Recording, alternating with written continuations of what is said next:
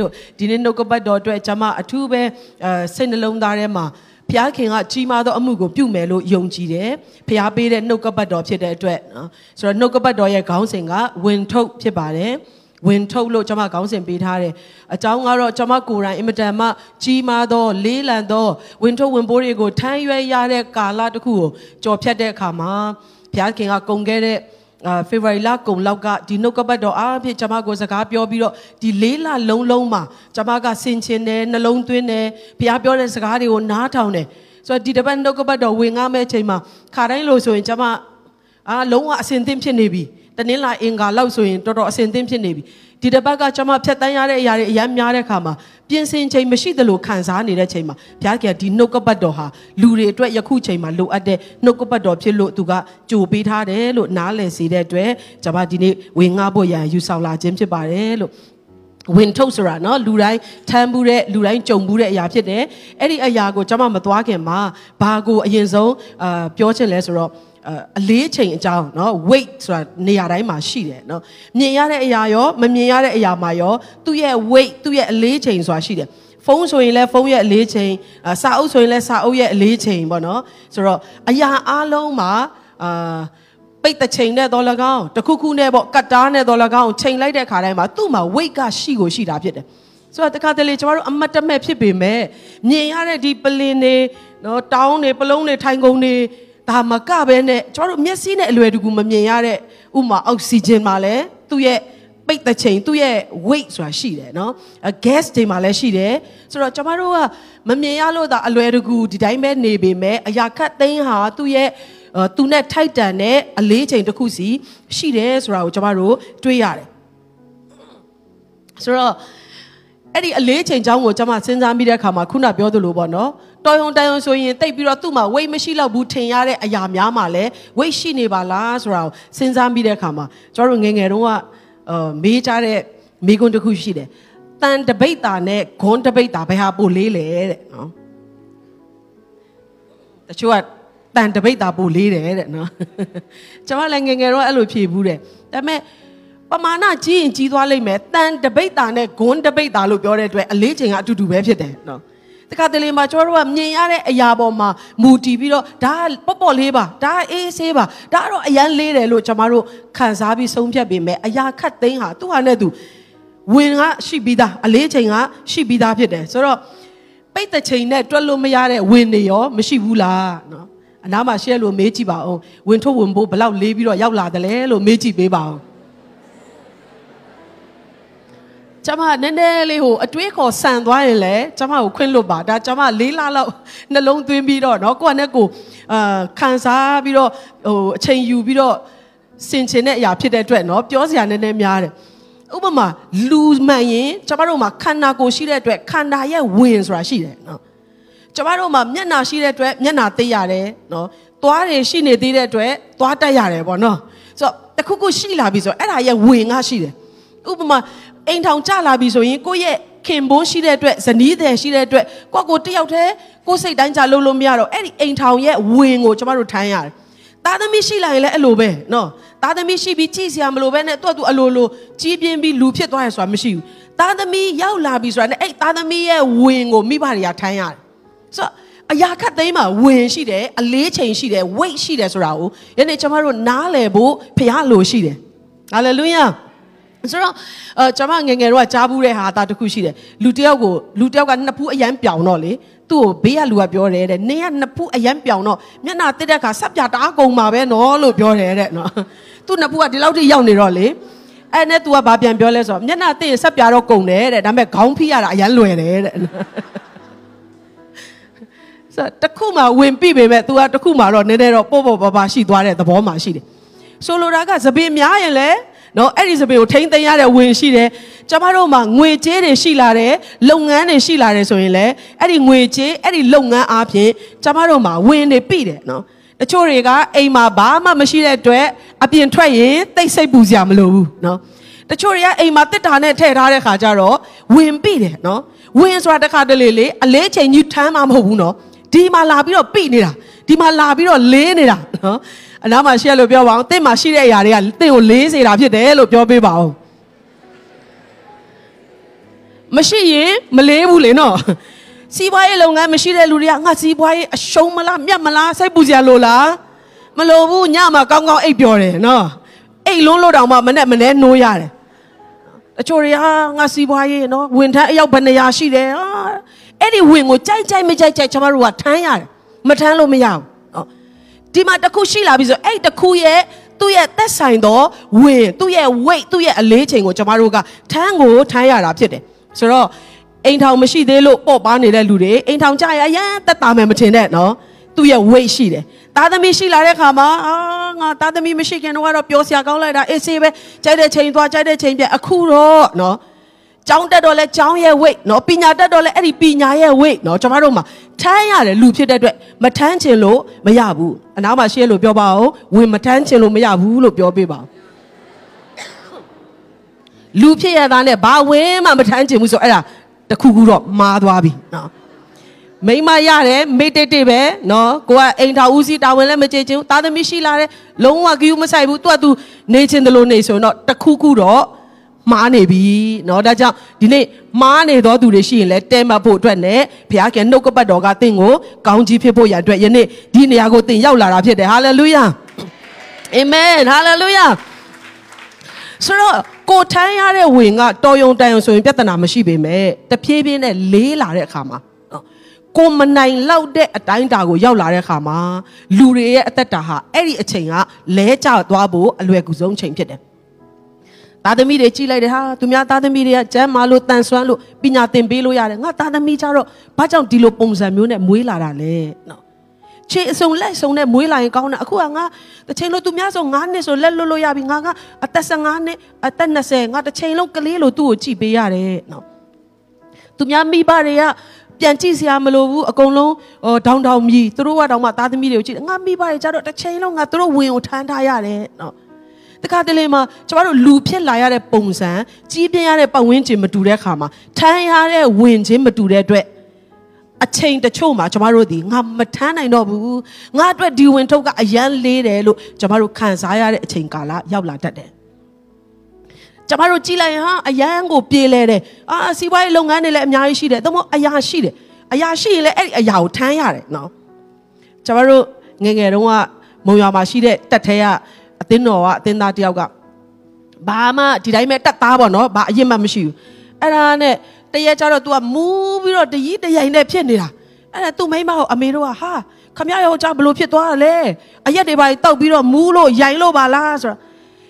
တရစ်တင်လိုက်တာအဲ့ဒီအရစ်ကိုမထမ်းနိုင်လို့ရိုင်နေတာတဲ့နော်တက်သားကနေပြီးတော့တရစ်ရတော့အဲ့ဒီတရစ်နဲ့ तू တအားပျော်ပြီးအရက်တွေတောက်တော့ သူ့မိမပြောတာအရန်ပြီပြင်းတယ်အဲ့ဒီတရစ်ကိုမထမ်းနိုင်လို့ရိုင်နေတာဆီယာမရေးတဲ့နော်ဆူတောင်းပေးပါဟုံးတဲ့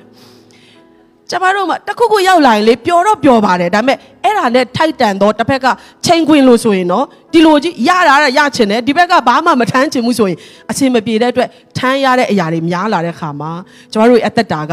ကိုမနိုင်တဲ့ဝင်ကိုထမ်းရင်ထမ်းရင်ထမ်းရင်နဲ့တစ်ချိန်မှာလဲကြတတ်ပါတယ်။ဒါကြောင့်ကျမတို့ကိုအယံချစ်တဲ့ဖခင်ရဲ့မြစ်တာကဘယ်နေရာမှာတွေ့ရလဲလို့ပြောရင်မဿဲခန်းကြီး7အခန်းငယ်28မှာဝင်လေး၍ပင်ပန်းသောသူအပေါင်းတို့ငါထံသို့လာကြလောငါသည်ချမ်းသာပေးမည်ဟာလေလုယာကျမအဖေကအမြဲတမ်းဗာပြောလဲဆိုတော့လေငါတို့မြန်မာလူမျိုးတွေဟာတဲ့မြန်မာနိုင်ငံမှာတဲ့ အိမ်မှာဗာချိတ်ထားလဲဆိုရင်လူသားလာပါပြဿနာမခေါ်လာနဲ့တဲ့နော်တွေ့ဘူးကြလားမသိဘူးနော်ဖះကကြတော့ဝင်လေးနေသလားတဲ့ပြဿနာနဲ့တအားကိုခက်ခဲနေသလားတဲ့နော်အယမ်းကိုမထမ်းနိုင်တော့ဘူးလေးလံလွန်းတယ်လို့ခံစားရသလားငါစီကိုအဲ့ဒီဝင်ထုတ်ကြီးနဲ့လာပါလို့ပြောတဲ့ဖះဖြစ်တယ်ဟာလေလုယာဟာလေလုယာဒါကသူ့ရဲ့ဖိတ်ခေါ်ချက်ဖြစ်တယ်နော်ဥမာကျွန်တော်တို့မင်္ဂလာဆောင်တွေပါတယ်ဖိတ်တယ်ဆိုရင်မဖိတ်ဘဲနဲ့သွားတာထက်တော့ပို့ပြီးတော့နော် သွားရတာပျော်စရာကောင်းတယ်လေအိမ်တွေဘာတွေသွားလဲရင်လဲမဖိတ်ဘဲနဲ့သွားတာထက်ဖိတ်ပြီးသွားရတာတအားပျော်စရာကောင်းတယ်လေဒီနေ့ဒါဖရားရဲ့ဖိတ်စာဖြစ်တယ်နော်ကျမတို့ကတခါလေကြရင်လေလူတွေကြတော့အောင်မြင်မှုတစ်ခုခုနော်အာတခါတည်းစွမ်းရည်တစ်ခုခုပြနိုင်မှလူတွေရဲ့ attention ကိုရမယ်လို့ကျွန်တော်တို့ကခံစားရတယ်ဖះနဲ့ပတ်သက်ရင်ကြတော့လေတင်တအားလှုပ်ပြတတ်တဲ့စွမ်းရည်တွေကဖះကိုစိတ်မလှုပ်ရှားစေဘူးဖះရဲ့ attention ကိုအဲ့လောက်ကြီးမရဘူး ဒါပေမဲ့တင်အရန်လေးလံပြီးတော့တယောက်တည်းတောင်မှမထမ်းနိုင်တော့ဘဲနဲ့ခါချီပြီးတော့အားနဲ့နေတဲ့အချိန်မှာကိုရော့ကိုမျှော်ကြည့်လိုက်ပါအဲ့ဒီအခြေအနေကိုစိတ်ဝင်စားတဲ့ဖះဖြစ်တယ်ဟာလေလုယာဟာလေလုယာတင်တယောက်တည်းမနိုင်တော့လို့ဂျောင်မှာပုံနေတဲ့ချိန်မှာတင်တယောက်တည်းမနိုင်တော့လို့အခန်းတကားပိတ်ပြီးမျက်ရည်ကျနေတဲ့ချိန်မှာကိုရောကဘာပြောလဲနှလုံးကြေကွဲသောသူတွေနဲ့နီးတော်မူသောဖခင်ကငါဖြစ်တယ်တဲ့ဟာလေလုယာလူနဲ့ဖခင်ကပြောင်းပြန်ဖြစ်တယ်နော် ဒါကြောင့်သင်ဝင်ထုတ်ဝင်ပိုးနဲ့ဖြစ်လာတဲ့ချိန်မှာဘသူစီကိုသွားရမလဲလို့ပြောရင်လူတယောက်ယောက်စီကိုမဟုတ်ဘဲနဲ့ဖះစီကိုသွားရမှာဖြစ်တယ်။ဘာကြောင့်လဲဖះကတင့်ကိုဖိတ်စာတဲ့တော့ဖိတ်တဲ့ဖះဖြစ်တယ်နော်။ဝင်လေးပဲပင်ပန်းနေသလားတဲ့။ဘဲမှရှောက်မသွားနဲ့ငါစီကိုလာပါတဲ့။ဟာလေလုယာ။ဟာလေလုယာ။ဟာလေလုယာ။ကျမတို့ရဲ့လေးလံသောဝင်တော့ကိုစိတ်ဝင်စားသောဖះကယနေ့ကျမတို့ကိုးကွယ်သောဖះဖြစ်တယ်။နော်။ ဝင်လေးနေကွာပြစ်ချလိုက်ဘာမှထမ်းမနေနဲ့လို့မပြောဘဲနဲ့လာခဲ့ပါတဲ့နော်ကိုရောကမဖြေရှင်းနိုင်တော့ပြဿနာတစ်ခုမှမရှိဘူးလာခဲ့ပါလို့ပြောတဲ့ဖခင်ကကောင်းကင်တဲ့မြေကြီးကိုဖန်ဆင်းတော်ဖခင်ဖြစ်တယ်မြေကြီးကိုသူ့ရဲ့လက်စွန်းနဲ့ချိန်တဲ့ဘုရားကတင်းရဲ့ဝင်ထုတ်လောက်ကိုတော့သူကခတ်ပါပါပဲဟာလေလုယာသူ့အတွက်ကတော့အယံပေါ်ပါတာဖြစ်တယ်အာမင်လက်ခုပ်တီးလက်ထိုးဘုရားကိုချီးမြှောက်ကြရအောင် ကျမတို့ကကိုတော့ကိုတော့ပေးတဲ့သားကလေကျွန်တော်ကိုတအားဝင်ထုတ်ဝင်ပိုးဖြစ်စေတယ်ကိုတော့အလုတ်မရခင်တော့ကတော့နည်းနည်းတက်တာသေးတယ်အလုတ်ရတဲ့ခါမှာတအားလေးတာပဲကိုတော့ကိုတော့ကအဲ့ဒီအလုတ်တွေသားသမီးတွေပြစ်ချလိုက်ကွာလို့မပြောဘဲနဲ့လာခဲ့တဲ့နော်အဲ့ဒီသားသမီးရဲ့ဝင်နဲ့ပဲလာခဲ့ပါ အဲ့ဒီတင်မလိုက်နိုင်တဲ့ပညာရေးရဲ့ဝင်ထုတ်ကြီးနဲ့ပဲလာခဲ့ပါနော်အဲ့ဒီတင်မဖြေရှင်းနိုင်တဲ့ငွေကြေးပြဿနာအထုတ်ကြီးနဲ့ပဲလာခဲ့ပါတဲ့နော်လာခဲ့ပါလို့ပြောပြီးတဲ့ခါမှာ तू ကဘာဆက်ပြောလဲဆိုတော့နော်ငါဒီချမ်းသာပေးမယ်ဟာလေလုယာအဲ့ဒါကသူ့ရဲ့ဂတိတော်ဖြစ်တယ်နော် तू ကလာခဲ့လေငါနင့်ကိုနည်းနည်းပါးပါးနော်အာတခါတည်းကြောလေးပါလေးပုတ်ပေးပြီးတော့နှစ်သိမ့်ပေးမှာပေါ့လို့မပြောဘဲနဲ့လာခဲ့တဲ့နော် ဝင်ထုတ်ကဘလောက်ဒီဂရီနော်ဘလောက်အလေးချိန်မတတ်မှတ်ဘူးဘလောက်ပဲလေးပါစေကိုရော့စီကိုသွားပါသူကငါဒီချမ်းသာပေးမယ်ဟာလေလုယာချမ်းသာခြင်းနီလန်တင်ပေးမယ်လို့လည်းမပြောဘူးနော်အင်္ဂလိပ်ကျမ်းစာထဲမှာ I will give you rest နော်နင့်ကိုနားနေစေမယ်တဲ့ဟာလေလုယာနားနေခြင်းကိုတင့်ကိုပေးမယ်လို့ဘုရားကပြောတာဖြစ်တယ်ကျမတို့ကအထုပ်ကြီးနဲ့သွားတယ်သူပြန်ပေးတာကနားနေခြင်းဖြစ်တယ်ဟာလေလုယာ အနားမှာရှေ့လို့ပြောပါအောင်တင်ဘလောက်ပဲဝင်ထုတ်လေးပါစီဘုရားစီကိုသွားပါလို့ပြောပေးကြပါအောင်အဲ့ဒီလောက်ထိနော်ကျမတို့ကိုချစ်တဲ့ဘုရားရဲ့မြတ်တာကိုထားခဲ့ပြီးတော့တင်းရဲ့ပြဿနာပြေလည်ဖို့လူတယောက်ကိုလိုက်ရှာနေသေးတယ်ဆိုရင်ဒီနေ့နောင်တရပါ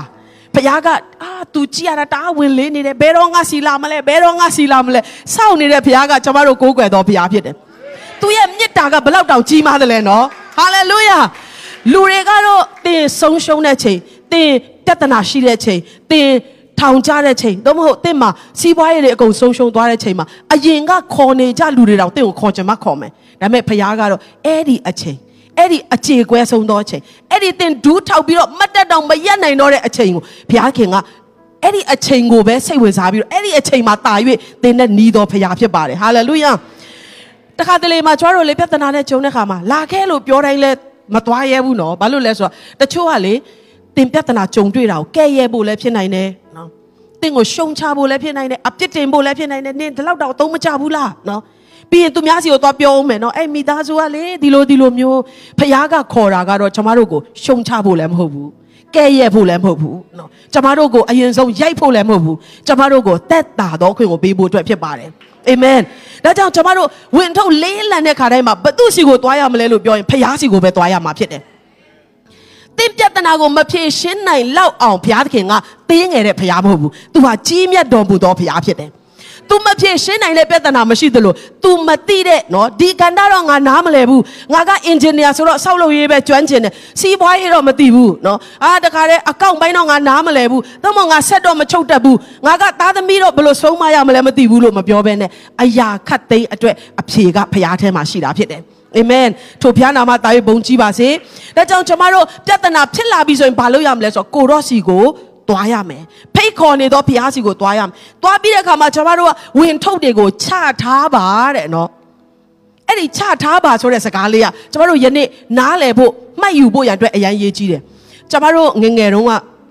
အင်မတန်မှဘုရားအသုံးပြုတဲ့ဆရာကြီးဟောက်လန်ခေါင်ကပြောတဲ့အရာတခုကျွန်မအမြဲတမ်းမှတ်ထားတာပါလဲဆိုလူတချို့ကတဲ့ဘုရားเจ้าလာပြီဆိုရင်ဟာဝင်ထုတ်ကြီးနဲ့လာကြတယ်တဲ့ပြီးပလင်ရှေ့မှာခြာထားကြတယ်ကိုရောကျွန်တော်အာမိသားစုကခက်ခဲရှိတယ်စီးပွားရေးခက်ခဲရှိတယ်အာဆူရတောင်းပြီးတော့အထုတ်ကြီးပြဿနာထုတ်ကြီးကိုချပြီးတော့ဘုရားเจ้าမှာဆူတောင်းကြတယ်ပြီးတဲ့ခါမှာအဲ့ထုတ်ကိုပြန်ထမ်းပြီးအိမ်ပြန်သွားကြတယ်တဲ့နော် ဒီနေ့ကျမတို့ကချတော့ချထားတယ်ဒါပေမဲ့မအနံတဲ့ခါမှာ ပြန်သွားရင်ဒီအထုံနဲ့ပဲဖះเจ้าမှာထိုင်နေတော့ခဏပဲတက်တာတာပေါ့နော်ဆိုတော့ဒီနေ့ကျမတို့ကပြဿနာထုတ်ကျမတို့ရဲ့ဝင်ထုတ်ကျမတို့ရဲ့လေးလံလွန်းတဲ့အရာအလုံးကိုကိုရောရှေ့မှာချထားရမှာဖြစ်တယ်ဟာလေလုယာကိုရောကိုအနံ့ရမှာဖြစ်တယ်ကိုရောကိုကိုးစားရမှာဖြစ်တယ်အနားမှာရှိတဲ့လူကိုကျေးဇူးပြုပြောပေးပါအောင်နော်ဖះရှေ့မှာချထားတဲ့အရာတွေပြန်ပြန်မတည်သွားနဲ့လို့ပြောရအောင် မျက်စိထဲမှာမြင်အောင်ကြည့်နော်တချို့တွေဟာခြားတယ်မျက်ရည်နဲ့မျက်ခွက်နဲ့နှချီးတယ်နဲ့နော်ကိုရောကဲပါကူပါနော်အာတက်တာသွားပြီခဏလေးပြန်တဲ့ခါအဲ့ထိုးပဲပြန်ထမ်းပြီးပြန်သွားတဲ့ခါကျတော့ဘယ်တော့မှ तू ကတက်တာရမရဘူးနော်ဒါကြောင့်ဝင်လေးပဲပင်ပန်းတော့သူအပေါင်းတို့ငါထံသို့လာကြလို့ငါဒီချမ်းသာပေးမယ်လို့ပြောတဲ့ဖျားစီမှာအနံဖို့လိုတယ်နော်ကိုတော့သမီးကဒီပြဿနာထုတ်ကြီးရှိတယ်ကိုတော့ဖြည့်ရှင်းနိုင်တယ်ဆိုတာသိတယ်ဒါကြောင့် သမီးဘာမှမလုပ်နိုင်တဲ့အတူတူကိုတော့ဖျားထဲမှာအနံ့တယ်ကိုတော့အကောင်းဆုံးဖြည့်ရှင်းပေးပါနော်ပြီးရင်ကျမတို့ဖျားကိုကိုးစားခြင်းတဲ့အတူငါအနံ့တဲ့အရာကိုတဲ့ကိုတော်ကအဆုံးထိတာဝန်ယူနိုင်တယ်ဆိုတာငါနားလေတယ်တဲ့ကျမ်းစာထဲမှာဟာလေလုယာဟာလေလုယာသင်အနံ့တဲ့အရာကိုအဆုံးထိတိုင်အောင်တာဝန်ယူနိုင်သောဖခင်ရဲ့လက်ထဲမှာသင်တကယ်ထဲ့တယ်ဆိုရင်သင်ဆုံးမလို့မရတဲ့သင်ရဲ့သားသမီးသင်ဖြေရှင်းလို့မရတဲ့သင်ရဲ့စီးပွားရေးသ င်ကိုယ်တိုင်ဘာမှလုပ်လို့မရဘူးဆရာဝန်တွေလက်လျှော့ထားတဲ့သင်ရဲ့ကျမ်းမာရေးကကိုတော့လက်ထဲရောက်လာတဲ့ခါမှာအလှပဆုံးသောအဖြေကိုထွက်စေမှာဖြစ်တယ်ဟာလေလုယာဟာလေလုယာကိုးစားတတ်သောတက်တာများဖြစ်ကြရအောင်အနန္တသောတက်တာများဖြစ်ကြရအောင်ပြီးတဲ့အခါမှာကျွန်တော်တို့တစ်ချိန်လုံးအဲ့ဒီပြဿနာကိုအာယုံမပြုတ်ဖို့အရန်ရေးကြီးတယ်နော်ကျွန်တော်တို့ကအနံပြီဆိုရင်လေအအတော့အလိုက်တဲ့ကိုရောလက်ထဲရောက်သွားတယ်ဒါပေမဲ့တစ်ချိန်လုံးကျွန်တော်တို့ကအဲ့ဒီလက်ထဲမှာရှိတဲ့ဟာကိုပဲလှမ်းကြည့်နေ အဲပြဿနာဘယ်တော့ပြေလဲမှလည်းမသိဘူးเนาะအဲ့ဒီပြဿနာကအရေးမပြောသေးဘူးအဲ့ဒီပြဿနာပုံများကြီးနေသလားကြီးလာသလားတစ်ချိန်လုံးကျွန်တော်တို့ပြဿနာကိုအာယုံစိုက်တဲ့အခါမှာဖခင်ကကျွန်မကိုတစ်ခါမှဗာပြလဲဆိုတော့နေ့ရဲ့လက်ချောင်းကဘယ်လောက်လောက်ကြီးလဲတဲ့တာမမိန်ကလေးလက်ထက်ဆိုရင်တော့တော်တော်ကြီးတယ်လို့ပြောလို့ရတယ်နော်လက်တိုင်းတော်တော်ကြီးတယ်ကျွန်မဒါပေမဲ့ဖခင်ကကျွန်မကိုဘာစကားပြောလဲဆိုတော့ အဲ့ဒီလက်ကသူ့အတူရှိနေအရန်ပြဿနာမရှိပေမဲ့ကျမရဲ့မျက်စိနဲ့နီးနီးလေးမှထားတဲ့ခါမှာလေကျမရဲ့မြင်ကွင်းအားလုံးကပျောက်သွားတယ်တခါတည်းမှာကျမတို့ကဖျားနဲ့ကျမတို့ရဲ့ဂျားထဲမှာအရန်သိပ်မကြီးပေမဲ့အဲ့ဒီပြဿနာကိုပဲတစ်ချိန်လုံးအနားမှာကပ်ပြီးအာယုံဆိုင်တဲ့ခါကျတော့ဖျားရဲ့ကြီးမြတ်ခြင်းကိုမမြင်နိုင်တော့လောက်အောင်ကျမတို့အာယုံဆိုင်တဲ့ပြဿနာကကျမတို့ရဲ့အမြင်တွေကိုဝေဝါးသွားစေတာဖြစ်တယ်အာမင် ဆိုတော့တင်းရဲ့ပြဿနာကိုအာယုံမဆိုင်ဘဲနဲ့ဖခင်ကိုအာယုံဆိုင်တယ်ဆိုရင်ဖခင်ရဲ့ကြီးမြတ်ခြင်းကိုမြင်လေလေတင်းရဲ့ပြဿနာကသေးလေလေဖြစ်တယ်ဟာလေလုယာဟာလေလုယာဖခင်တဲ့တော့ဘယ်ပြဿနာမှမကြီးနိုင်ပါဘူးအာမင်အဲ့လိုပြောလို့ကျွန်မအယံနော်တအားကြီးခွန်အားရှိတယ်လို့မထင်နဲ့ကုန်ခဲ့တဲ့တနင်္လာအင်္ဂါလောက်ထိကျွန်မဟာအယံကိုစိတ်တကြတယ် ကျွန်မထမ်းရတဲ့ဝင်နေလေးလုံးလုံးဟာငါတည်သွားရင်ကောင်းမယ်ငါပျောက်သွားရင်ကောင်းမယ်ဆိုတဲ့လောက်ထိစုတောင်မတောင်းနိုင်တော့လောက်တဲ့အထိရောက်များစွာသောဝင်ထုတ်ဝင်ပိုးတွေကအရှင်းနောက်တောင်မြောက်ကနေစုပြီးကျွန်မပေါ်မှာရောက်လာတဲ့ခါမှာကျွန်မကိုတော့တမီတော့မနိုင်တော့ဘူးထင်တယ်နော်အဲ့ချိန်မှာကုန်ခဲ့တဲ့2လ3လကတည်းကငါပြောခဲ့တဲ့နှုတ်ကပတ်တော်ပြန်စင်းစားပါဟာလေလုယာ ဟာလေလုယာဒီတဲ့လူတိုင်းဟာဝင်ကိုထမ်းရတယ်သို့တော်လေအဲ့ဒီဝင်ထုတ်တွေကိုပေါ့ပါစေနိုင်တော့ဖျားနဲ့တွေ့သွားတဲ့ခါမှာဝင်ထုတ်ရှိတော်လဲကျွန်မတို့ကပေါ့ပါနိုင်တာဖြစ်တယ်အာမင်ဆက်ပြီးတော့ကျွန်မကိုဖျားပြတဲ့အရာလေးတွေနော်အနှဲငယ်ဆက်သွားခြင်းတယ် ငါတဘိုးကိုတင်၍ထမ်းကြလော့တယ်နော်လော့ဖြစ်တဲ့အတွက်အဲ့ဒါအမိန့်ဖြစ်တယ်ဆိုတော့ဖခင်ကခုနအစမှာကျွန်မပြောသလိုပဲဘာမှမတင်နဲ့ဘာဝင်မှမထမ်းနဲ့ဒီတိုင်းပဲနေလို့မပြောဘဲနဲ့လူမှန်ရင်ဝင်တစ်ခုခုတော့ထမ်းကိုထမ်းရမယ်တဘိုးတစ်ခုခုတော့တင်ကိုတင်ရမယ်ဥပမာတင်ကိုအလောက်ခန့်လိုက်တယ်တထေးရနော်အာငါငါဝင်ထုတ်ဘာမှထမ်းချင်ဘူးနော်ငါအချိန်မှန်မှန်ရောက်စရာလည်းမလိုဘူးအလုပ်တွေလည်းပြီးဖို့မလိုဘူးအပ်ဖို့လိုတဲ့အချိန်မှလည်းအပ်စရာမလိုဘူးဆိုတော့တင်ကအလုပ်ပြုတ်မှာပဲနော် ဒီအလုပ်ကိုယူပြီးဆိုရင်အဲ့အလုပ်ရဲ့ဝင်ကိုထမ်းရတယ်ဆိုတော့ကျမတို့ကဝင်ကိုမထမ်းချင်လို့မရတဲ့အတွက်ဘုရားကဗာပြောလဲမင်းတို့ရဲ့ဝင်ထုတ်ကိုငါစီမှာလာချငါရဲ့ဝင်ထုတ်ငါရဲ့တဘိုးကိုမင်းတို့ပြန်တင်တဲ့နော်ငါရဲ့တဘိုးကထမ်းလွယ်တယ်တဲ့ငါရဲ့ဝင်ကပေါ့ပါတယ်တဲ့ဟာလေလုယာ ဟာလေလုယာဒီစကားကိုဘသူတွေကိုဖခင်ကပြောလဲခရစ်တော်ကပြောလဲလို့ပြောရင်အဲ့ဒီအချိန်မှာယောမတွေရဲ့အုပ်ချုပ်မှုအောက်မှာအင်မတန်မှပြပြားပြီးတော့နော်ဓမ္မဟောင်းရဲ့ဝင်တွေဓမ္မဟောင်းရဲ့တဘိုးတွေကိုတင်ထားရတော့ထမ်းထားရတော့နော်ဖာရိရှဲလာပြီဟဲ့ဥပုံထဲမှာဘာလုပ်တာလဲနော်သူတို့အတွက်တအားလေးတယ်သူသူတို့ဒီဘာမှမကြွနိုင်လောက်အောင်နော်လက်တွေခြေထောက်တွေတော့မမြောက်နိုင်လောက်အောင်ပြညတ်တရားတွေတဘိုးတွေကသူတို့ပေါ်မှာတင်လာတယ် ခက်ခဲတဲ့ကြမ်းတမ်းတဲ့အုပ်ချုပ်မှုတွေကသူတို့ပေါ်မှာတင်လာတဲ့ခါမှာဘုရားကပြောလဲအဲ့ဒီဝင်တွေအားလုံးကိုခဏချလိုက်တဲ့ငါရဲ့ဝင်ကိုတင်ပြီးတော့ထမ်းကြည့်စမ်းပါတဲ့ငါရဲ့တဘိုးကတော့အယံပေါ့ပါပြီးတော့ထိုင်းရလွယ်တယ်။ဘာတဘိုးလဲလို့ပြောရင်ကဲတင်ချင်းဂျေဇုတော်တဘိုးဖြစ်တယ်။ဟာလေလုယာ။ဟာလေလုယာ။ အယံလွယ်တယ်လို့ပြောလို့အလကားဒီတိုင်းကြီးလမ်းဘေးမှာရတာတော့မဟုတ်ဘူးခရစ်တော်ကတင်တဲ့ကျွန်ုပ်ပေါ့ပါသောတဘိုးကိုထမ်းနိုင်ဖို့ရန်အတွက်သူကိုယ်တိုင်လက်ဝါးကားတိုင်းပေါ်မှာအသေးခံခဲ့တာဖြစ်တယ်အာမင်ဟာလေလုယာဒီနေ့သားသမီးရှိလို့သားသမီးဝင်ကိုထမ်းရတဲ့ခါမှာဒီတိုင်းပဲဟာသားသမီးရှိလို့ငါထမ်းရတယ်ကွာเนาะတစ်ချိန်လုံးညီးတွားနေမဲ့ချာအော်ဂျေဇူးတော်ကငါ့ကိုအားရှိစေတယ် ငါဒီသားသမီးတွေကိုပြုစုနိုင်သောဖခင်မိခင်ဖြစ်တယ်။ငါဖခင်ရဲ့အလိုတော်နဲ့နေကြီးအလုတ်ကိုအုပ်ချုပ်နိုင်တော်သူဖြစ်တယ်။ဦးဆောင်နိုင်တော်သူဖြစ်တယ်။ကဲတင်ခြင်းနဲ့ဂျေဇူးတော်တဘိုးကိုတင်ထမ်းတယ်ဆိုရင်လေဝင်တော့တူပေမဲ့ပေါ့ပါသောဝင်ဖြစ်တယ်။ထမ်းလို့လွယ်သောဝင်ဖြစ်တယ်။ဟာလေလုယာ။ဟာလေလုယာ။ဟာလေလုယာ။လူဖြစ်တဲ့အတွက်ဝင်မထမ်းကြတဲ့ငါကဲတင်ပြီးပြီမပြောဘဲနဲ့ငါရဲ့တဘိုးကိုတော့မင်းတို့ထမ်းရမယ်တဲ့နော်။ နင်တို့ရဲ့ဝင်ထုတ်ကိုကြတော့ဘာလို့ရမလဲငါခြေတော်ရင်းပါလာပြီးတော့ချထားပါလဲလဲပေးတော့ဘုရားရဲ့မြစ်တာဖြစ်တယ်ဟာလေလုယာကျမတို့မထမ်းနိုင်ဘူးဆိုတာ तू သိတယ်ကျမတို့အတွက်အားလေးတယ်ဆိုတာ तू သိတယ်ကျမတို့ဘလို့ပဲဘလောက်ပဲအားကြီးပါစေအဲ့ဒီဝင်ထုတ်အဲ့ဒီတဘိုးဟာကျမတို့မနိုင်နိုင်ဘူးဆိုတာ तू သိတဲ့အတွက်သူ့ရဲ့တဘိုးနဲ့လဲလဲပေးတာကကြီးမားလွန်းတဲ့ဘုရားရဲ့မြစ်တာဖြစ်တယ် ငါထန်၌နီးခံကြပါတနည်းအားဖြင့်ငါစီကနေတင်ယူပါတဲ့ငါသည်နူးညံ့သိမ်မွေနှိမ်ချသောစိတ်သဘောရှိတယ်တင်တို့စိတ်နှလုံးသည်တက်တာခြင်းကိုရလိမ့်မည်ကျမတို့ထမ်းရတဲ့ဝင်တွေအားလုံးကဘယ်မှာရှိလဲလို့ပြောရင်ဒီစိတ်နှလုံးထဲမှာဖြစ်တယ်စိတ်တွေပူပန်ရတယ်နော်စိတ်နှလုံးတွေလေးလံရတယ်စိတ်နှလုံးကအရာအလုံးကိုထမ်းရတယ်ပူပန်ရတယ်ဒါပေမဲ့ဘုရားကဘာပြောလဲငါစီကိုလာပြီးတော့မင်းရဲ့ဝင်ထုတ်ကိုချငါရဲ့တဘိုးကိုတင်ငါရဲ့နီလန်းကို လေ့လာပါသင်ယူပါတဲ့နော်ဒါဆိုရင်မင်းတို့ရဲ့စိတ်နှလုံးငြိမ်ဝှက်ခြင်းတက်တာခြင်းရှိလိမ့်မယ်ဟာလေလုယာညာညာအိတ်မပျော်လောက်အောင်သင်ဒီတစုံတစ်ခုသောဝင်ထုတ်ကိုထမ်းထားရတယ်ဆိုရင်ကိုရောရဲ့နီလန်းကိုသင်ယူပါကိုရောဖရားရဲ့ဂျေဇုတော်တဘိုးကဲတင်ချင်းတဘိုးကိုပဲလဲလဲလိုက်ပါ သင်ကောင်းမွန်စွာအိပ်ပျော်ရမယ်သင်ထမ်းရမယ်ဝင်တွေကိုပေါ်ပါစွာထမ်းနိုင်ဖို့ရန်အတွက်ဘုရားပြင်ဆင်ပေးထားသောနီလန်ဖြစ်တယ်ဟာလေလုယာငါတဘိုးထမ်းလွယ်တယ်ငါဝင်လဲပေါ်တယ်လို့ဘုရားကပြောတယ်ဒါကြောင့်ခရိယန်ဖြစ်သွားလို့ဘာဝင်မှထမ်းစရာမလိုဘူးလားဘာမှတာဝန်ယူစရာမလိုဘူးလားလို့ပြောရင်မဟုတ်ပါဘူးခရိယန်ဖြစ်လေလေဘုရားသားသမီးဖြစ်လေလေဘုရားရဲ့ဂျေဇုတော်တရားထဲမှာဘုရားသားသမီးတွေလှုပ်တဲ့အလုပ်တွေကိုကျွန်တော်တို့ကလှုပ်ဆောင်နိုင်တယ်ဒါကြောင့်ရှင်ပေါလုကပြောတယ်ငါကသူများတွေထက်ပို့ပြီးတော့စ조사တယ်တဲ့ငါရှောလူဖြစ်တော့ကလည်းအယမ်းစ조사တယ်လို့ပေါလုဖြစ်လာတဲ့ခါမှာလည်းငါတာ၍စ조사တယ်သူများတွေထက်တာ၍အခြားသောပါစကားပြောတယ်ဖခင်ရဲ့နာမကြောင့်ငါရိုက်နှက်ခြင်းတွေခံရတယ်ဟာတေလူနီးပါဖြစ်ရတယ်အစာငတ်ခြင်းတွေကြုံရတယ်ဒါပေမဲ့အဲ့ဓာတွေအားလုံးငါလှုပ်တဲ့ခါမှာငါကိုယ်တိုင်လှုပ်တာမဟုတ်ဘူးတဲ့ငါအแทမှာရှိတဲ့ဖခင်ရဲ့ဂျေဇူးတော်ကငါ့ကိုတတ်ဆွမ်းနိုင်စေတာဖြစ်တယ် ဟာလေလုယာတင့်သားသမီးတွေကိုတင့်လိမ်မအောင်ပြုစုနိုင်သောမိဘဖြစ်ဖို့ခရစ်တော်ရဲ့တဘိုးကိုထမ်းမှနိုင်မှာဖြစ်တယ်ကိုရောဂျေစုတင်တယ်ကိုရောကဒီသားသမီးကိုပေးထားတာနော်ဒီလိုမျိုးဟိုသူများတွေထက်ပို့ပြီးတော့စိတ်ရှည်ပြီးပြုစုရတဲ့နော် လူများတယ်လိုမျိုးချက်ချင်းလက်လွတ်လို့မရတဲ့သားသမီးကိုကိုတော့ပေးထားတာကျွန်တော်ကိုတော့စိတ်ချလို့ဖြစ်တယ်ကိုတော့ထမ်းနိုင်စေပါနော်တလောက်ဝန်ထမ်းအများကြီးရှိတဲ့လုပ်ငန်းကြီးကိုကျွန်တော်ကိုပေးထားတာကိုတော့ကကျွန်တော်ကိုယုံကြည်လို့ဖြစ်တယ်ကိုတော့ဂျေဇုတော်အားဖြင့်ထမ်းနိုင်ရသောခွင့်ကိုပေးပါလို့ကျွန်တော်တို့သွာလာတတ်မယ်အသက်ရှင်တတ်မယ်ဆိုရင်သင်ရဲ့အသက်တာဟာသူတစ်ပါးအတွက်ကောင်းကြီးဖြစ်လာမှာဖြစ်တယ်ဟာလေလုယာဒါကြောင့်ကျွန်တော်တို့ထမ်းရမယ့်ဝင်တွေအားလုံးနော်လူဖြစ်တဲ့အတွက် မိဘဝင်ရှိမယ်သားသမီးဝင်ရှိမယ်စီးပွားရေးဝင်ရှိမယ်ဒါတွေအားလုံးကိုကိုရောရှေ့မှာချထားပြီးကိုရောရဲ့တဘိုးနဲ့လဲလဲတော့အသက်တာနဲ့ဆက်လက်ပြီးတော့ခရီးဆက်ဖို့ဘုရားသခင်အလိုရှိတယ်ကဘာပေါ်မှာအကြီးမားဆုံးအသင်းတော်ကိုပိုင်ဆိုင်တဲ့ဆရာကြီးယုံကြည်ချူးကိုတခါမှလူတွေကမေးကြတယ်တဲ့ဆရာအသင်းတော်တခု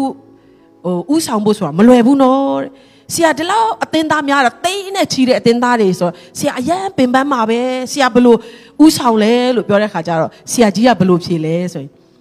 ကျွန်တော်လှုပ်တာတခုမှမရှိဘူးဖះပဲလှုပ်သွားတာဖြစ်တဲ့အတွက်ကျွန်တော်အတွက်ဘာမှမခက်ဘူးတဲ့ကျွန်တော်လှုပ်ရတဲ့အရာတခုပဲရှိတယ်အဲ့ဒါကျွန်တော်ဖះနဲ့များများအချိန်ယူတယ်တဲ့ဟာလေလုယာဟာလေလုယာ သူကဖျားနဲ့ပဲအလုရှုပ်တယ်သူကဖျားနဲ့ပဲနှစ်ပန်းလုံးတယ်ဒီမှာအသင်းသားကတသိန်းကနေနှစ်သိန်းဖြစ်သွားတယ်နှစ်သိန်းကနေသုံးသိန်းဖြစ်သွားတယ်သူအတွက်အဲ့ဒီနံပါတ်တွေများလာတာကအဲ့ဒီအသင်းသားများလာတာကသူ့ကိုဝင်မပိစေဘူးဘာကြောင့်လဲဆိုရင်သူကအဲ့ဒီဝင်တွေကိုထမ်းစေနိုင်မဲ့ဖခင်နဲ့များများအချိန်ယူလို့ဖြစ်တယ်ဟာလေလုယာဒါကြောင့်ကျမတို့ကပြဿနာကိုပဲအာယုံစိုက်ပြီးပြဿနာတွေပဲနှပန်းလုံးနေတာတဲ့ထိုပြဿနာတွေကိုပြေလည်စေမဲ့ဖခင်နဲ့အ ਨੇ ဆုံးတရက်တခါတော့စကားပြောရအောင်ဟာလေလုယာ အ ਨੇ ဆုံးသူ့ရဲ့ချိန်ရင်းမှာတရက်တခါလောက်တော့ထိုင်ရအောင်ကိုတော့ဘာပြောချင်လဲနော်ကိုတော့ဒီစီးပွားရေးတွေကိုဘယ်လိုဥဆောင်စေချင်တယ်လဲကိုတော့ဒီသားသမီးတွေအတွက်ဘယ်လိုဆုတောင်းစေချင်တာလဲဘယ်လိုမျိုးလိုက်လျှောက်စေချင်တာလဲဘယ်လိုအသက်ရှင်စေစေချင်တာလဲဖခင်နဲ့များများအချိန်ယူပါဒါဆိုရင်သင်ကပြဿနာနဲ့အလုံးမရှုပ်တော့ဘူးဟာလေလုယာဒါကဆရာကြီးယုံကြည်ကျူးကိုယ်တိုင်တက်တေခံတဲ့အရာဖြစ်တယ်ဒါကြောင့်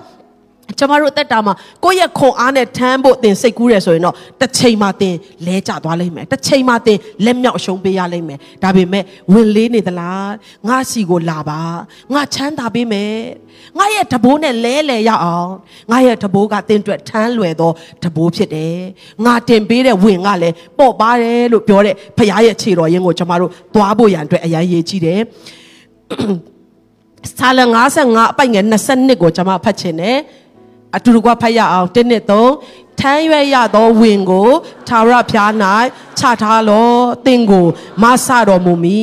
ဖြောင်းမတ်သောသူကိုအစဉ်အမြဲလှုပ်ရှားစေတော်မမူရဒီနေ့သင်ဝင်တချို့ကိုထမ်းထားရတယ်ဆိုတော့ဖះကောင်းကောင်းနားလဲတယ်ထမ်းလဲထမ်းဖို့လိုအပ်တယ်ဒါပေမဲ့အဲ့ဒီသင်ခွန်အားနဲ့မနိုင်နိုင်တဲ့ဝင်တွေကိုဘသူရှေ့မှာချထားတယ်လဲဆိုတာကအရန်ရေးကြီးပါတယ် တခါတလေမှာကျမတို့ကအမျိုးတွေရှေ့မှာချထားတယ်တခါတလေမှာအားကိုရတဲ့လူတယောက်ယောက်နော်မျက်စိနဲ့မြင်ရလို့အားကိုလို့ရမယ်ထင်တဲ့လူတယောက်ယောက်ရှေ့မှာချထားတယ်နှုတ်ကပတ်တော်ကတော့ကျမတို့ကိုတွင်တင်တယ်ထမ်းရွက်ရသောဝင်ကိုသာရဖျား၌ချထားလောတင့်ကိုမဆတော်မူမီဟာလေလုယာသင်ကိုမဆမယ်လို့ဂတိထားတဲ့ဘုရားကဘယင်တကာရဲ့ဘယင်အရှင်တကာရဲ့အရှင်ဖြစ်တယ် ကဲတင်နိုင်သောဘုရားဖြစ်တယ်။အရာခတ်သိန်းကိုတက်ဆွမ်းနိုင်သောဘုရားဖြစ်တယ်။မျက်စိမမြင်သောသူကိုမြင်စေသောဘုရားဖြစ်တယ်။ဟာလေလုယာ။နားမကြားသောသူကိုကြားစေသောဘုရားဖြစ်တယ်။ရေကိုစပြည့်ရဖြစ်စေသောဘုရားဖြစ်တယ်။နူနာတဲ့လုံးဝမပြောင်းနိုင်တော့ဘူးလို့အဲ့ဒီကာလမှာသတ်မှတ်ခြင်းခံရတဲ့နူနာတဲ့ကိုချက်ချင်းချမ်းမာစေသောဘုရား။သေသောသူကိုရှင်စေတဲ့ဘုရားကဝင်လေး၍ပင်ပန်းတယ်ဆိုရင်ငါစီမှာလာချထားပါတဲ့။တင့်ကိုမဆမယ်။အရာခတ်သိန်းကကျမတို့ကိုလှုပ်ခတ်စေတယ်ပြေးလွှားစေတယ် စီစေးတက်ရင်ကျွန်တော်တို့မှာပြေးရတယ်လွှားရတယ်နော်အာကုံစင်းလုံးတက်ရင်ကျွန်တော်တို့မှာပြေးရတယ်လွှားရတယ်ဖခင်ကတော့ပြောတယ်ဖြောင်းမှတ်တော်သူကိုဖခင်ကဘယ်တော့မှအစင်အမြဲလှုပ်ရှားရတော့ခွင့်ကိုမပေးဘူးတဲ့ဟာလေလုယာဒါကြောင့်ဖခင်စီကိုလာပါချထားပါချထားပြီးပြန်ပြန်မတည့်သွားနဲ့ဟာလေလုယာကိုးစားပြီးတော့အနံလိုက်ပါထိုဖခင်ကတင်းရဲ့ပြဿနာကိုပြေလည်စေနိုင်တော်ဖခင်ဖြစ်တယ်ဒီနေရာမှာကျွန်မစမ်းစာတွေကခွန်အားရတဲ့အကြောင်းအရာလေးတစ်ခုကဘာလဲဆိုတော့ ရေခါတဲ့အရက်မှာပေါက်တဲ့သစ်ပင်လေးတစ်ပင်အကြောင်းဖြစ်တယ်နော်ဆိုတော့ကျမ်းစာကိုအရင်ဆုံးဖတ်မယ်ထွက်မြောက်ရာ15အငယ်20မှာထို့နောက်မောရှေသည်ဣသေလလူတို့ကိုအေဒုံပင်လယ်မှဆောင်သွား၍သူတို့သည်ရှုရတော်သို့ရောက်ကြ၏ထိုတော်၌၃ရက်ခရီးသွား၍ရေကိုမတွေ့ရကြ၃ရက်ခရီးသွားတယ်လုံးဝတောက်ဆရာရေမရှိဘူးစဉ်းစားကြည့်နော်၃ရက်နော်ဘယ်နှစ်ရက်လဲ၃ရက်၃ရက်လုံးလုံးရေမတောက်ရင်ဘယ်လိုနေမလဲနော် အာစိတ်တိုမယ်ဒေါသထွက်မယ်အာအင်ကုန်ခမ်းမယ်နော်ဆက်ပြီးတော့ခြေလန်းလန်းခြေစိတ်မရှိတော့ဘူးမာရအရက်တို့ရောက်တော့ခါမာရရေသည်ခါသောကြောင့်မတောက်နိုင်ကြထို့ကြောင့်ထိုအရက်ကိုမာရဟုသမုတ်ကြသည်မာရဆိုတဲ့အတိတ်ပဲကကိုကခါတီးခြင်းခါတဲ့အရာတာကိုဖော်ညွှန်းတာဖြစ်တယ်ရေတော့တွေ့ပြီဟာဝတ်သားရနဲ့ဟာ၃ရက်တောင်ရေမတောက်ရတာရေတွေ့ပြီဆိုတဲ့အချိန်မှာအဲ့ရေကခါနေတယ်နော် ဆိုတော့သူတို့တောက်လို့လည်းမရဘူးမြင်နေရတယ်ဘလောက်နော်ဥရားစရာကောင်းမလဲအဲ့အချိန်တွေကတွေ့နေတယ်တောက်တယ်ဆိုရင်လည်းခါတယ်လုံးဝမျိုးချလို့မရဘူးသူတို့အမောလည်းမပြေစေဘူးသူတို့အတွက်ခွန်အားလည်းမဖြစ်စေဘူးတခါတလေမှာချောတို့ရဲ့ဘဝအသက်တာမှာနော်ခါတီးချင်းနေနော်မာရအရက်တွေကိုကြော်ဖြတ်ရတဲ့အချိန်ရှိတတ်တယ်နော်ကိုတော့ဒီအလုတ်ကိုပေးတော့ကိုတော့ပဲပေးတယ်ဆိုအခုတော့အရန်ခါတယ်ကျွန်မအတွက်နော်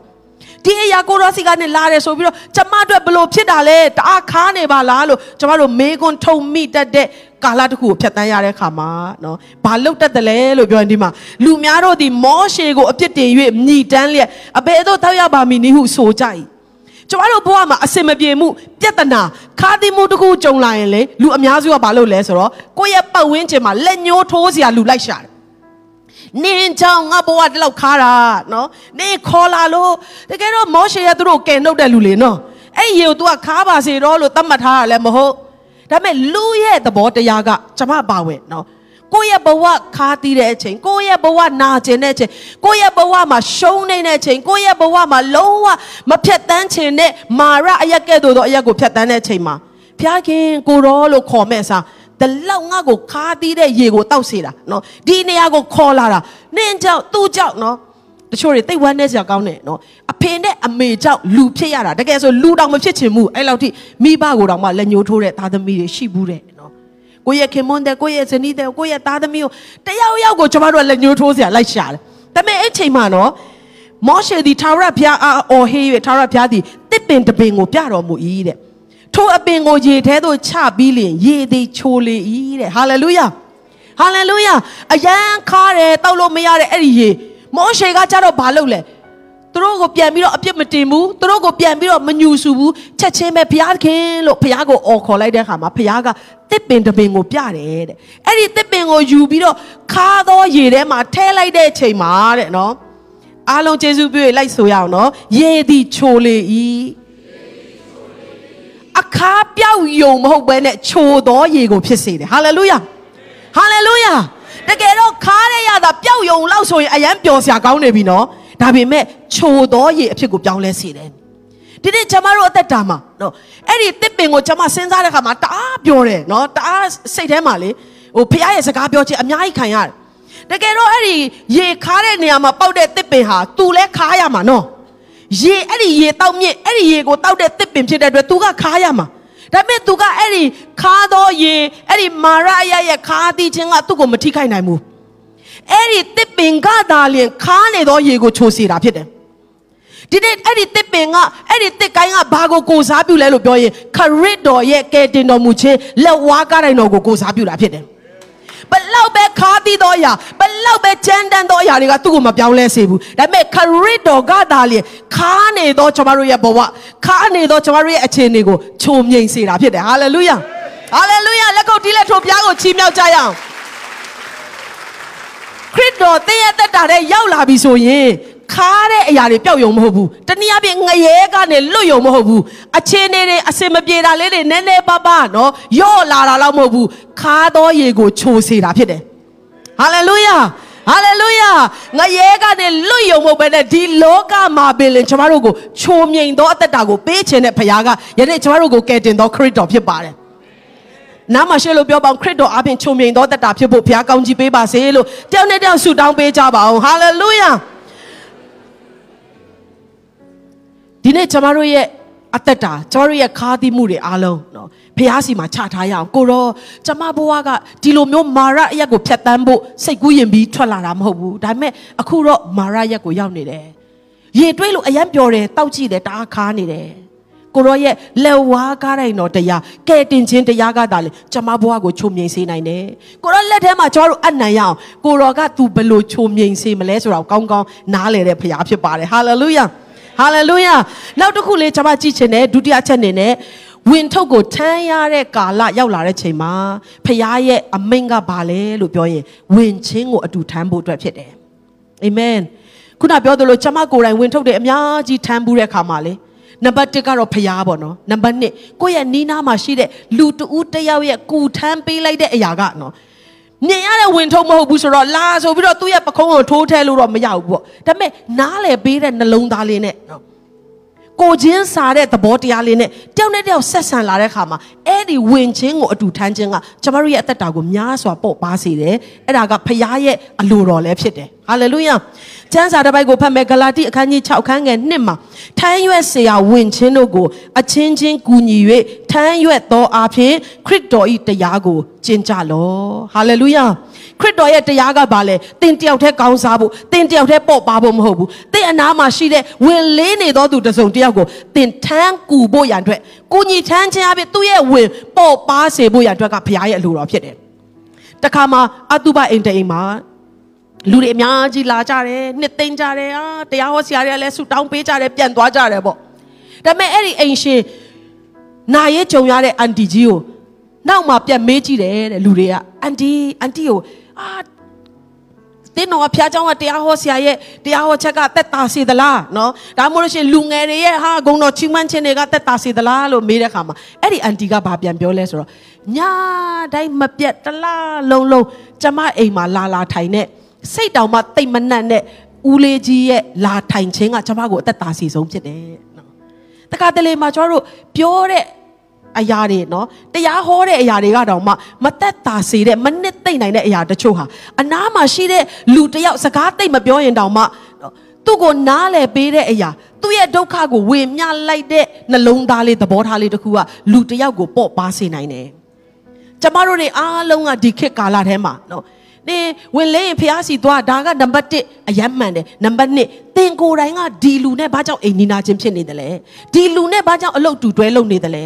ဖះကသူ့ရဲ့ဝင်ဟာသင်ရဲ့အသက်တာအားဖြင့်သင်ရဲ့နှလုံးသားအားဖြင့်သင်ရဲ့ဝေမျှခြင်းအားဖြင့်သက်တာပေါ့ပါဖို့ရန်အတွက်ဘုရားရဲ့အချမ်းစီတော်ဖြစ်တယ်ဟာလေလုယာ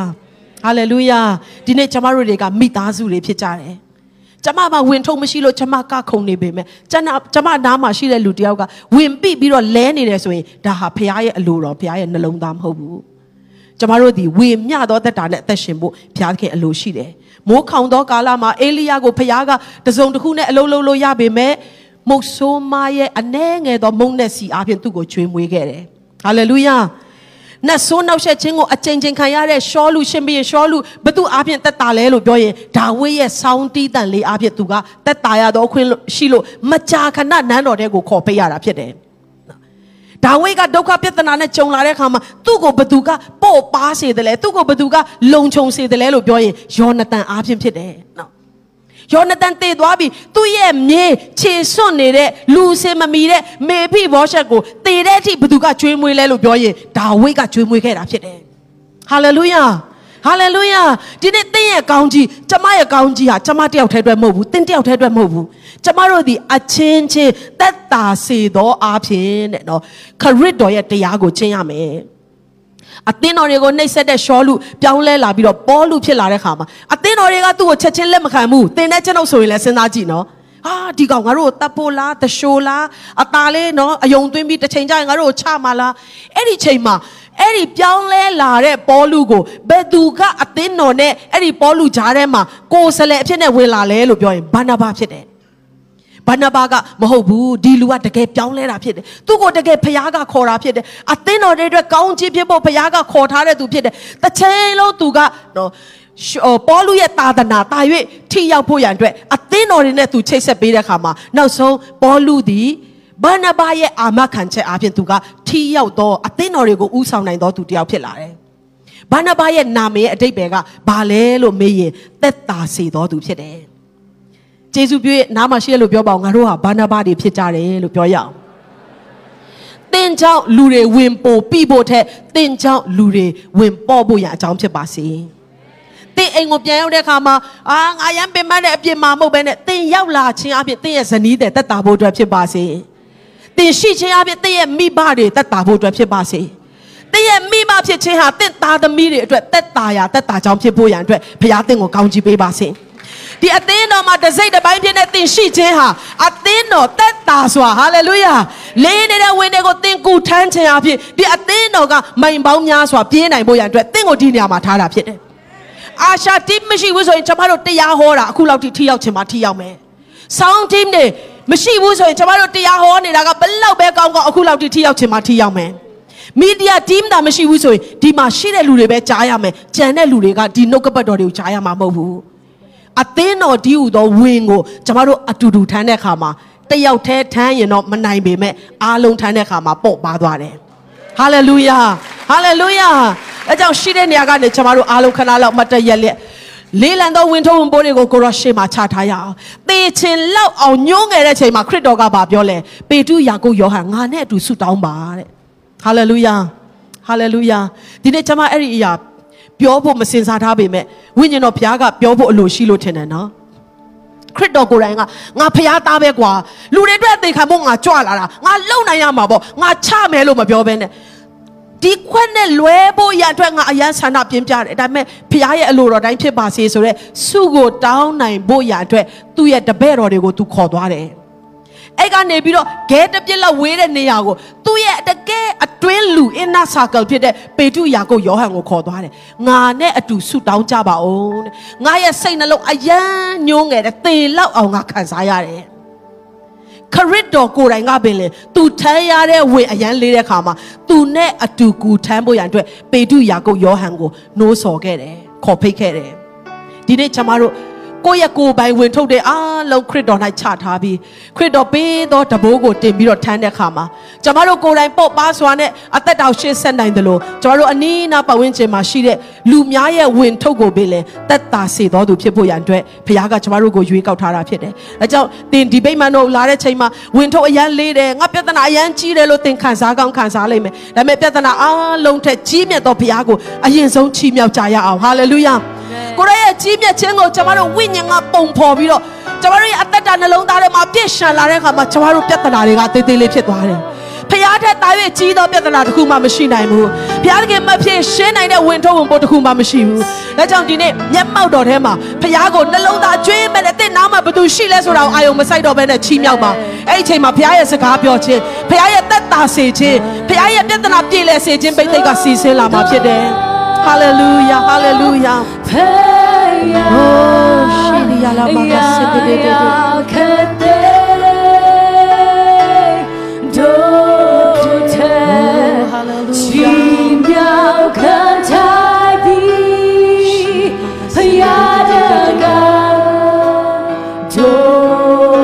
။ဘုရင်တကာတို့ရဲ့ဘုရင်အရှင်တကာတို့ရဲ့အရှင်ကိုပဲကျမတို့မျှော်ကြည့်ရအောင်။ ်